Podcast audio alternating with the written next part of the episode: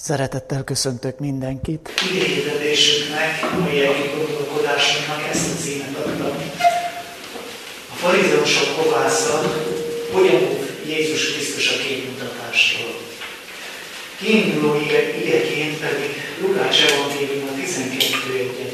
Olvasom, ez így hangzik.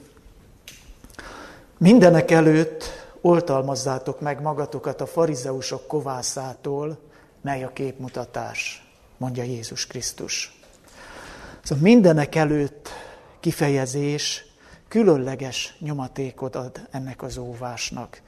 Ugye sokféle súlyos bűn létezik, mégse azt mondja Jézus Krisztus, hogy mindenek előtt ne öljetek, vagy ne lopjatok, hanem ez, hogy mindenek előtt oltalmazzátok meg magatokat a farizeusok kovászától, ami a képmutatás. Úgy vélem, hogy súlyos igazság rejlik abban a megállapításban, hogy a kereszténység legnagyobb ellensége nem az ateizmus, hanem a farizeizmus. Tehát a kereszténységnek a rossz kereszténység, vagy a képmutató kereszténység a legnagyobb ellensége. A képmutatásként fordított görög szó egyébként a hipokrisis, ennek az alapjelentése a színészkedéshez kapcsolódik, tehát a színészi, színházi előadással áll kapcsolatban, de úgy vélem, hogy nagyon kifejező a magyar szó is, amivel ugye jelöljük ezt a jelenséget, képet mutatni, vagyis a valóságnak valamely torzult képét, torzult mását közvetíteni. Általában akkor mondjuk, hogy képmutatás, vagy képmutatóskodik valaki, amikor lelepleződik, hogy másnak jobbnak tetette magát, mint amilyen valójában, és ezzel másokat is elhitetett, de ami talán még súlyosabb, hogy sokszor magát is elhiteti a képmutató ember. De térjünk vissza oda, hogy miért ilyen súlyos dolog ez, hogy Jézus így vezeti be az óvását, hogy mindenek előtt ettől őrizkedjünk. Mivel a képmutatás ilyen módon, tehát a valósággal, az igazsággal történő szembesüléstől foszt meg, így az alapfeltételét zúzza szét az igazságnak, és már a forrás vidékén mérgezi meg az ember megjobbításának az Isten által elgondolt tervét. Tehát mondom még egyszer, azért, mert egyszerűen elválaszt a valóságtól, az igazságtól, így eleve meggátolja azt, hogy, hogy az ember elinduljon azon az úton, amit az Isten az ő megjobbítására, jellembeli megváltoztatására gondolt el. És bizonyára ez az oka tehát annak, hogy Jézus mindenek elé helyezte a képmutatástól való őrizkedést, vagy így is mondhatnám tehát, hogy a mások, de legfőképpen az önmagunk előtti őszinteséget. Sajnos a leghatározottabban mondhatjuk, hogy a vallás melegágya a képmutatásnak. Miért van ez így? A Biblia emberfeletti etikát képvisel. Gondoljunk csak arra a sok idézhető igehely, vagy igeszakasz mellett, akkor Jézus azt mondja, hogy egymás ellen még szívetekben se gondoljatok gonoszt. Tehát úgy vélem, hogy csak ha ezt az egy kijelentést vagy felhívást ismerjük, akkor elismerjük egyszer, mint hogy ez ember feletti kívánalom. Ember számára lehetetlen ezt önerőből teljesíteni. Ahhoz, hogy a lehetetlen mégis lehetségessé váljon, hogy ez a titok megnyíljon, hogy ez hogyan jelen, lehetséges, megalkuvásmentes őszinteségre van szükségünk, elsősorban önmagunkkal szemben, de egymással szemben is természetesen. Most a vallás, most a valláson a torsz kereszténységet érzem, értem, tehát a vallás kívánalmai viszont beérik a felszínnek a rendezettségével. Sőt, nem is támasztanak más kívánalmat, a felszín legyen rendezett, és nem tűri a torz vallás, a torz kereszténység az őszintességet, nem tűri a problémáknak, a bűnnek a mélységében való, a gyökeres feltárását és rendezését. Tehát még egyszer, itt van egy emberfeletti etika, hatalmas a kísértés, hogy megjátsszuk azt, hogy megfelelünk neki, ahelyett, hogy őszintén elismernénk, hogy nem tudunk neki megfelelni, és a küzdelemnek azt az útját járnánk, ami a Szentírás, illetve Jézus Krisztus szerint egyedül lehetségessé teszi azt a csodát, hogy mégiscsak felemelkedjünk ennek az isteni erkölcsnek a magaslatára. Tehát mindez elemi erővel sodorja a, a gyülekezetet valamiféle beteg, össznépi szerepjátszás felé, vagyis az általános képmutatás felé. De nem kell ennek így lennie, nem törvényszerű, hogy ez így legyen. A képmutatásnak többféle válfaja, többféle fokozata van. Tekintsük át az alapvető eseteket, amelyeket a Biblia elénk tár, illetve azt is, hogy hogyan óv mindezektől Jézus Krisztus. A durva képmutatással kezdjük, van a képmutatásnak durva, kifejezetten durva esete is, amikor valaki tényleg előre kitervelten, gátlástalanul színészkedik, és téveszt meg másokat. Jézus így utal erre, erre az esetre, ti farizeusok, jó lehet a pohár és a tál külső részét megtisztítjátok, de a belső tök rakva ragadományjal és gonoszsággal. Ez a hasonlat szerint, vagy metafora szerint, amit itt Jézus használ, a farizeusok képmutatása nem véletlenszerű volt. Ugye véletlenül nem lehet megtisztogatni a pohár külsejét, és a, a belsejét meg mocskosan hagyni. Tehát nem véletlenszerű, hanem eltervezett képmutatás volt. Nem az történt ebben az esetben, hogy a, egy pillanatra ugye, vigyázatlanul hagyott emberi természet szerencsétlenül megnyilatkozott, belecsúszott a képmutatásba, akár öntudatlanul is, ami egyébként sokszor megeshet velünk, hanem mondom még egyszer, itt előre eltervezett, gondos képmutatásról volt szó. Ugye, hogy a pohár, a tálk eh, külsejét gondosan tisztogatják, de a visszataszító belső tartalomnak az elleplezésére szolgál ez az egész, tehát mindez tervszerű szándékosság volt. Aki ilyet tesz, az tudva tudja, hogy mást kommunikál, mást közvetít kifelé, mint amit belül gondol, és tudatosan hitetel másokat. Más helyütt Jézus így mutat rá erre a jelenségre, amiről beszélünk. Jaj, nektek képmutató írástudók és farizeusok, mert olyanok vagytok, mint a sírok, amelyek nem látszanak, és az emberek, akik azokon járnak, nem tudják.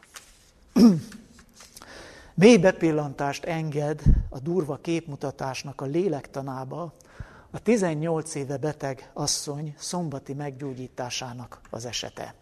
Ugye röviden itt arról van szó, hogy Jézus meggyógyít egy súlyos beteg, régóta beteg asszony szombaton, és ezt egy vallási vezető, a zsinagóga fő szombat rontásként értékeli és megfeddi. És a Lukács evangélium a 13. fejezetében leírt eset talán így rekonstruálható. Ez a vallási vezető, a zsinagóga fő, bizonyára aznap eloldotta, tehát szombaton eloldotta a jászoltól az ökrét vagy a szamarát, és elvezette megitatni.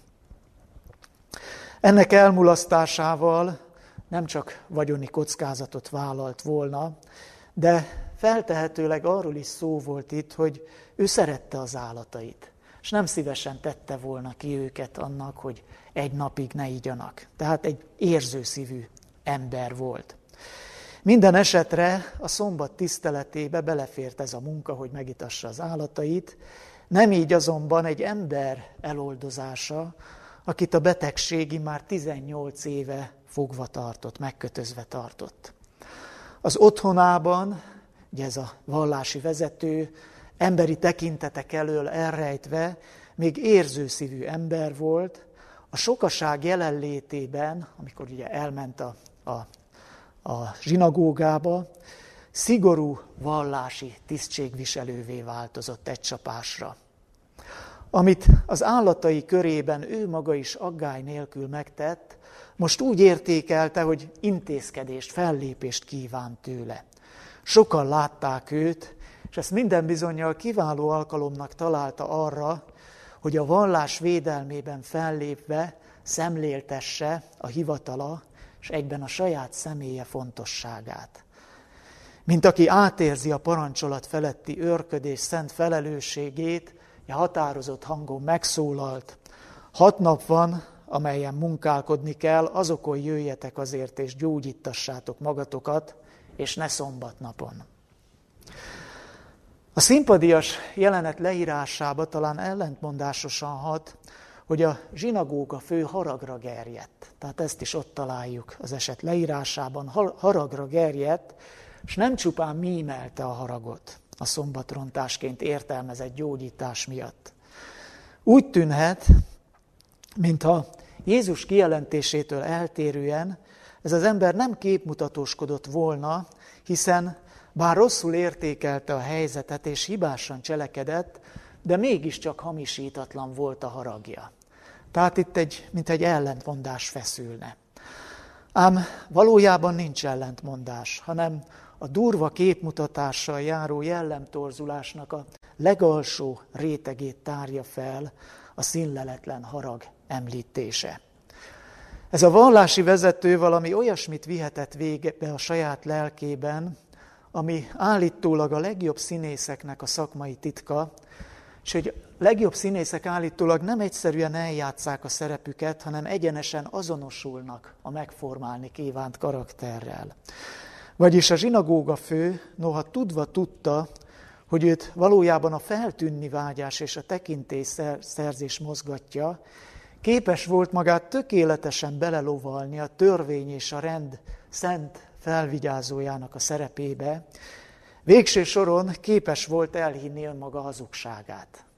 Tehát ezért nem volt színleletlen a haragja, és így, érthet, így érthetjük azt, hogy ez a színleletlen harag a képmutatás, a durva képmutatásnak a, a legalsó rétegét tárja fel.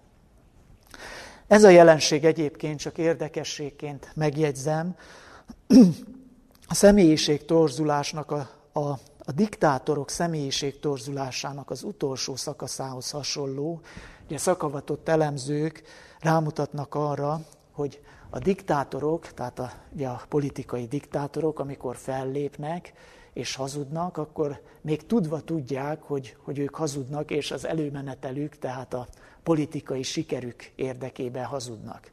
De aztán eljön egy pont a pályájukon, amikor elhiszik a saját ideológiájukat, elhiszik magukról például, hogy ők a nép jótevője, a nép atya, messianisztikus küldetésük van, és így tovább, tehát nagyon, nagyon érdekes lelki jelenség ez, amikor az ember már a saját hazugságát elhiszi, de tény, hogy van ilyen. Jézus egyszerű, de a lényeget isteni élet, éles látással megragadó szavai leleplezték a vallási vezető, a zsinagóga főnek a képmutatását. Felelt azért neki az Úr, és mondta, képmutató, szombaton nem oldja el mindegyikőtök az ökrét vagy a szamarát a jászoltól, és nem viszi el itatni. Hát őt, az Ábrahám leányát, akit sátán megkötözött már 18 esztendeje, nem kellette feloldani e kötelékből szombat napon. A leírás fontos részlete, a bibliai leírás fontos részlete, hogy Jézus nem csak az asszonyt, ezt a beteg asszonyt szabadította fel a betegsége kötelékéből, hanem a sokaság tudatát is, a vallási vezető szuggesztív fellépésének a bűvölete alól. Így olvasunk, hogy így ír erről a Szentírás, és mikor ezeket mondta, megszégyenültek minnyájan, akik magukat neki ellenébe vetették, és az egész nép örült mindazokon a dicsőséges dolgokon, amelyek ő általa lettek. Tehát gondoljuk csak meg, ott volt a sok ember, és ő nekik, az ő számukra a vallási vezető közvetítette tulajdonképpen az Isten lényét. Jézus világosságot gyújtó szavai nélkül azonban legtöbben minden bizonyal a, a zsinagóga fő által mutatott hamis képet tekintették volna valóságnak. És ami különösen súlyos, ez nem csak a, a vallási vezető kiválósága és a helyes szombatünneplés tekintetében, hanem végső soron az Isten kiléte, az Isten jelleme tekintetében is. Tehát azt gondolták volna, hogy olyan az Isten, ami ennek ez a vallási vezető megmutatja az ő magatartásával. És ezért mondhatjuk, hogy hatalmas dolog, hogy Jézus felszabadított egy embert a betegség rabságából, de legalább ilyen súlyú dolog az, hogy ennek a sokaságnak a tudatát is felszabadította, a gondolkodását is felszabadította attól a szuggesztív, de hamis képtől, amit a vallási vezetőjük mutatott nekik Istenről és a helyes szombatünneplésről. Haladjunk tovább, a képmutatásnak vannak kifinomultabb esetei is, mint az iménti, tehát mint ez a durva képmutatás. Egy ilyen kifinomultabb esete az igaz és a hamis megítélésének az elmulasztása. Megint csak Jézus kijelentését idézem, Máté Evangélium a 23, 23-at. Jaj nektek képmutató írástudók és farizeusok, mert megdésmáljátok a mentát, a kaprot és a köményt, és elhagyjátok, amik nehezebbek a törvényben, az ítéletet, az irgalmasságot és a hűséget. Pedig ezeket kellene cselekedni, és amazokat sem elhagyni. Ugye megdésmálni a kaprot, a mentát és a köményt, jelenti egy tizedet fizetni, tehát befizetni a tizedet ezekből a terményekből, amelyek hát ugye nem, nem nagy jelentőségű termények. Kísértéket képviseltek, és aki még ezekből is precízen kiméricskélte a tizedet, ugye különösen buzgó vallásosságot sugalt önmagáról, hogy neki még erre is gondja van, hogy a kaporból, a mentából és a köményből is befizesse a tizedet. Ez a buzgóság annak hátterén vált azután visszássá, ha eközben az illető mellőzte azokat, amik nehezebbek a törvényben. Meg Jézus szavait idézem. Az ítéletet, az irgalmasságot és a hűséget, avagy Lukács evangélium a párhuzamos része szerint az ítéletet és az Isten szeretetét. Tehát ha valaki ilyen buzgón befizette ezekből a terményekből a tizedet, de mindeközben ezeket az igazán fontos dolgokat mellőzte, akkor nem mást követett el, mint közönséges képmutatást, még hogyha annak a kifinomultabb változatát is. Bizonyára nem kell hosszasan fejtegetnem azt, hogy miért nem szabad elhagyni az irgalmasságot, a hűséget és az Isten szeretetét. Mindenképpen érdemes viszont részletesebben szólni az ítélet elhagyásáról, amit Lukács és Máté evangéliuma egyaránt említ itt. Az élet az emberi viszonyok szülte meg annyi helyzetben, az igazság helyes megítélése gyakran nem egyszerű feladat. Sőt, kifejezetten nehéz feladat, sokkal nehezebb, mint például kiszámolni a kapora, menta és a kömény termésnek a tizedét. A különböző emberi problémák, emberi élethelyzetek leggyakrabban nem fekete-fehérek, gyakran csak nehezen átláthatók, az ítélethozatal többnyire komoly utánjárást, súlyos lelki-szellemi erőfeszítést, sőt nem ritkán kockázatvállalást követel, és utólag korrekciót kíván, tehát nem ritkán arra is szükség van, hogy valaki, aki megítélte az igazságot és a hamisságot, utólag korrigálja magát, helyesbítse magát, vagyis hogy beismerje, hogy tévedett. Tehát az ezzel járó ítélethozatalt az akkurátus kapor és ment a tizedelők már elkerülték. A mondhatni könnyen kipipálható feladatot teljesítették, és ezzel letudni vélték a kötelezettségeiket Isten felé, eközben viszont megtagadták a kevésbé sematizálható feladatokat, pedig jobbára ezek jelentik az Isten iránti lényegi kötelezettségeinket. Ma már, ugye tudjuk, nem szokás kaporból és az ilyesféle, vagy akármilyen terményből természetben tizedet adni, ám Jézus feddése épp úgy időszerű a mai napig is, hiszen ha valaki akár pénz, a pénzbeli tized gondos befizetésével le, véli letudni az Isten iránti kötelezettségeit, és közben nem vállalja az igazság és a hamisság közötti ítélettételt, hasonló képmutatást követel, mint az egykori kaporral és mentával buzgolkodó farizeusok. De mi a helyzet Jézus egy másik felhívásával, ami mindennek ellent mondani látszik? Lukács 6.37 szerint Jézus arra is felhívott, ne ítéljetek, és nem ítéltettek. Tehát hogyan hozható ez összhangba azzal, hogy itt, itt meg Jézus azért fed meg az imént idézett ige szakaszban, hogyha elmulasztjuk az igaz és a hamis megítélését. Megjegyzem, a képmutató magatartás kiválóan tud építeni erre az utóbbi felhívásra, tehát hogy ne ítéljetek. Ezáltal a bűnt ez egyenesen erényé képes maszkírozni, mert ugye valahogy így gondolkodik, vagy így ezt sugalja magáról, nem azért mulasztom el a dolgok megítélésért, mert lusta vagyok, közönyös vagyok, gyáva vagyok, vagy buta vagyok, hanem azért, mert alázatos vagyok. Lám Jézus is megmondta, hogy ne ítéljetek, és én nem ítélek. Mondom, tehát kiválóan tud erre építeni a képmutató magatartás. Azonban a folytatásból, tehát ne ítéljetek és nem ítéltettek, ennek a felhívásnak a folytatásából világosan kitűnik, hogy Jézus az ítélet tiltását a kárhoztatás tiltásával és a megbocsátás szükségességével kapcsolta össze. Felolvasom tehát a folytatást. Ne kárhoztassatok, és nem kárhoztattatok. Megbocsássatok, és nektek is megbocsájtatik.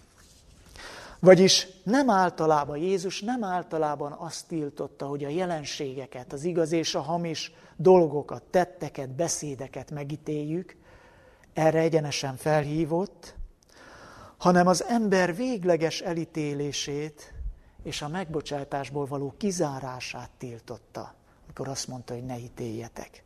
Tehát ne kárhoztassatok és megbocsássatok. Maga Jézus ebben is példát mutat, mert ha kellett, akkor keményen néven nevezte a dolgokat. Távol áll tőle az a fajta keresztényinek gondolt finomkodás, ami a nyilvánvaló dolgok kapcsán is csak mismásol, és inkább szolgál az igazság elfedésére, semmint a tapintat kifejezésére. Csak hogy egy példát mondjak, Jézus egy ízben így nyilatkozott egy uralkodóról, egy politikusról, ha úgy tetszik, mondjátok meg annak a rókának. Tehát semmi köntörfalazás nincsen itt, nem nevén nevezte a dolgokat, és ezt a fajta határozottságot, ezt a fajta, mondom, elsősorban a, a jelenségek megítélését, és nem az ember elítélését várja tőlünk is. János 7.24, ne ítéljetek látszat szerint, hanem hozzatok igazságos ítéletet. Tehát az igazság, az ítélet gyakorlásának a szükségessége mellett idéztem ezt az ige verset is. Vagy akár a Lukás 12.54-től kezdődő ige szakaszt is említhetem, amelyben Jézus azt veti a hallgatósága szemére, hogy a földi érdekeiket szolgáló ítélet hozatal iránt nagyon készségesek.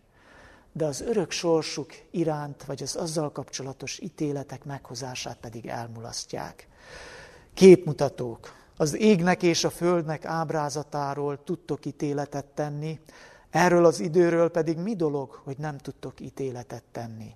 S mi dolog, hogy ti magatok is meg nem ítélitek, mi az igaz. Tehát ugye a mezőgazdasági munkák szempontjából az emberek megítélték az ég ábrázatát, milyen időjárás várható, és ezt állítja szembe Jézus azzal, hogy amíg ennél is sokkal fontosabbat nem ítélik meg. Hadd idézem még egyszer összegzésképpen a zárómondatot, és mi dolog, hogy ti magatoktól is meg nem ítélitek, mi az igaz. A képmutatásnak egy következő esete lehet, és most már végig a kifinomultabb képmutatásnál, képmutatással foglalkozunk, tehát egy következő esete lehet a tudomány kulcsának a birtoklása. Ez is képmutatássá válhat tehát. Erről például Lukács evangélium a 11-ben olvashatunk. Jaj nektek törvénytudók, mert elvettétek a tudománynak kulcsát, ti magatok nem mentek be, és akik be akarnak menni, azokat meggátoltátok. Ja, mi küldetésünk az új szövetségi egyház gyülekezet, de egyébként az ószövetségé is. Így hangzik, illetve így hangzott, ti pedig választott nemzetség, királyi papság, szent nemzet, megtartásra való nép vagytok, hogy hirdessétek annak hatalmas dolgait, aki a sötétségből az ő világosságára hívott el titeket. A hitbeli elődeink és tanítóink nyomán mi felbecsülhetetlen kincset birtoklunk. A teljes Biblia következetes magyarázatát, a középpontban Jézus áldozatával, az Isten szeretetével, és elmondhatjuk, hogy még az egykor bepecsételt könyv, ugye Dániel könyve sem bepecsételt többé, nem csak, hogy értjük a proféciákat, vagy legalábbis jelentős mértékben értjük azokat, hanem még a beteljesedésüknek is tanúi lehetünk. Nem szerénytelenség tehát, vagy elbizakodottság, hanem a felelősségünknek a nyomatékosítása, hogyha kimondjuk, hogy nálunk van a tudomány kulcsa. Tehát ezzel ezt tagadni, az, az képmutatóskodás és álszerénykedés, mert tényleg nálunk van a tudomány kulcsa. Ugyanakkor a világban zajló folyamatok annyira átláthatatlanrá és megtévesztővé váltak, hogy a proféciák, a Biblia leleplező világossága nélkül a legjobb eszű és a legjobb szándékú embereknek sincs esélyük eligazodni. Legalábbis úgy, hogy a fürdővízzel együtt ne öntsék ki a gyereket is, azaz, hogy ne vessenek el egyaránt mindenféle kereszténységet. Ebben az Isten fiai által, az Isten fiai, bocsánat, Isten fiai megjelenését öntudatlanul is sóvárogva váró világban, ugye római levélben olvashatunk erről, elrejteni a tudomány kulcsát, felhigítani, felbomlasztani azt a bibliai örökséget, azt a lelki-szellemi örökséget, ami a miénk, és beilleszkedni a különböző vallások mindinkább egy szólamúvá váló kórusába, vagy méretetlen ostobaság, vagy hitetlenséget teljes képmutatás. Az egykori farizeusoknak hasonló volt a bűnük a tudomány kulcsának elvételével, és azzal, hogy megakadályozták mások bemenetelét az Isten országába.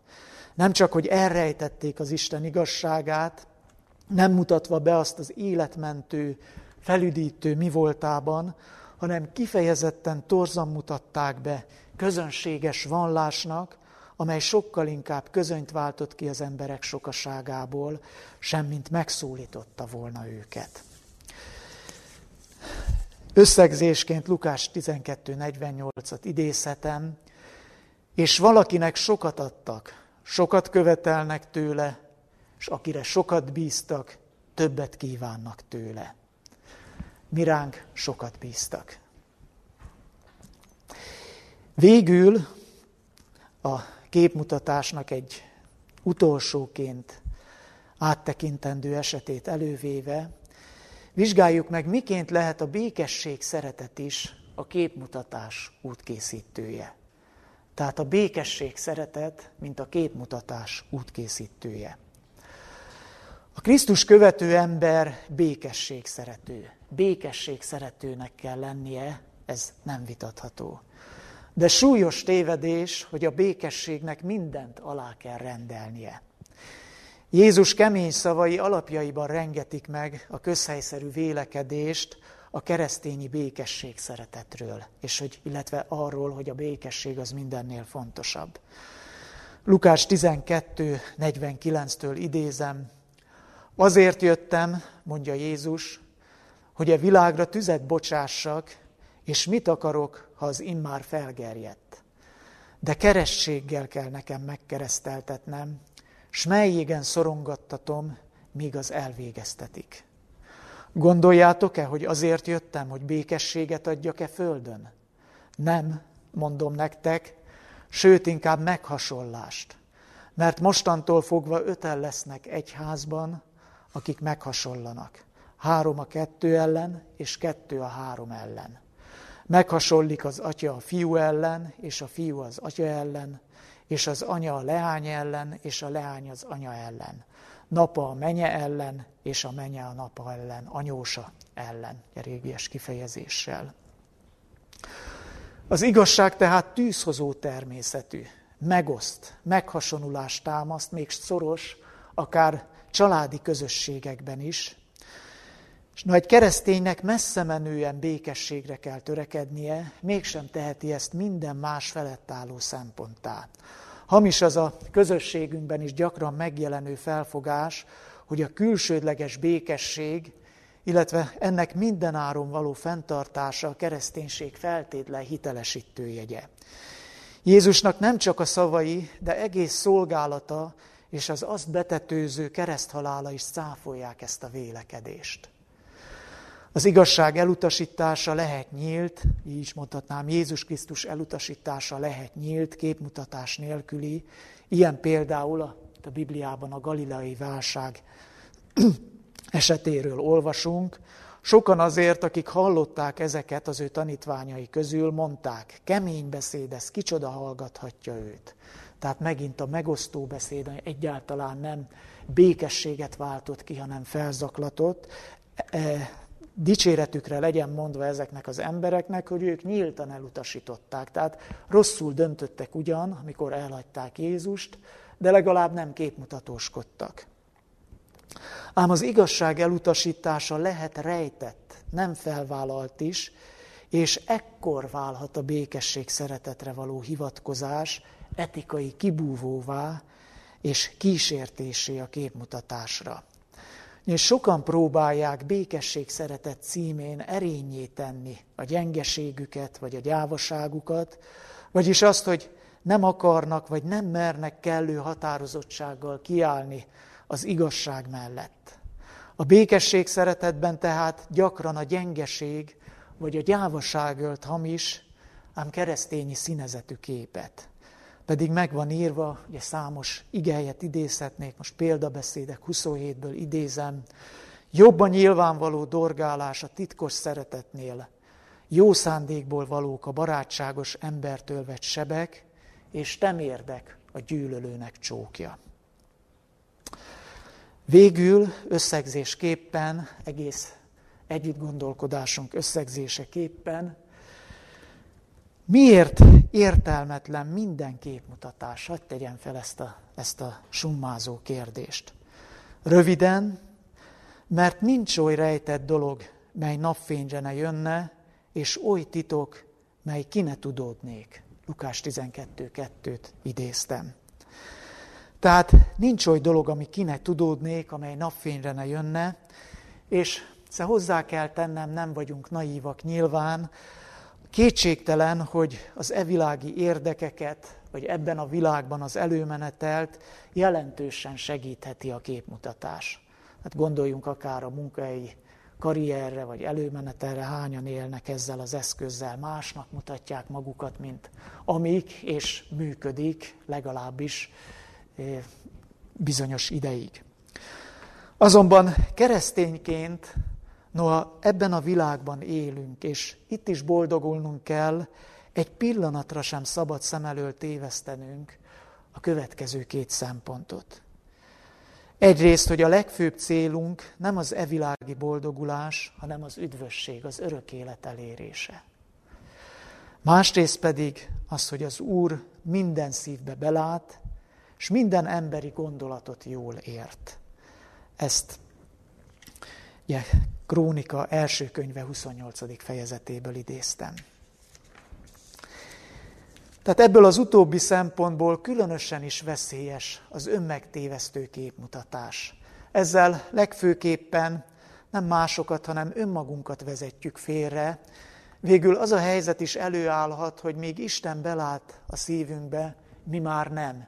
Eljuthatunk oda, mint ahogy a durva képmutatás kapcsán láttuk, hogy teljesen azonosulunk a megjátszott szereppel.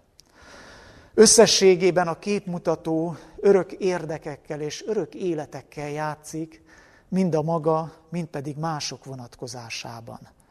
Jézus alábbi súlyos kijelentése ezzel szembesít minket Máté 5.20 szerint. Mert mondom nektek, hogyha a ti igazságotok nem több az írástudók és a farizeusok igazságánál, semmiképpen sem mehettek be a mennyeknek országába. Azt kívánom mindannyiunk számára, legyen hát több, összehasonlíthatatlanul több a mi igazságunk a farizeusok igazságánál, és legyen előttünk szüntelen Dávid atyai tanácsa, amit Salomonnak így mondott.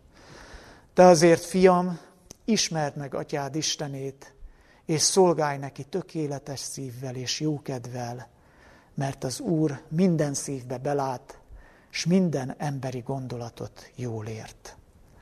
Ámen.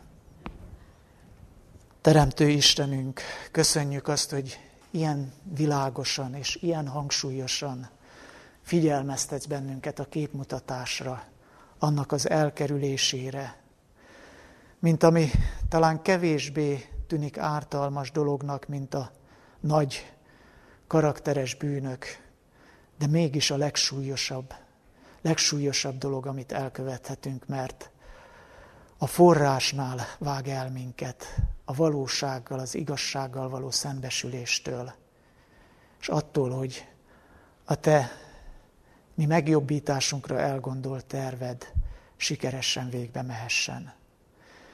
Kérünk, emlékeztes minket ezekre a felhívásokra, Jézus szavaira, amivel óva farizeizmustól, a színészkedéstől, a képmutatástól, és adj erőt, igényt, bátorságot, őszintének lenni, mindenek előtt, önmagunk előtt, de egymás előtt is.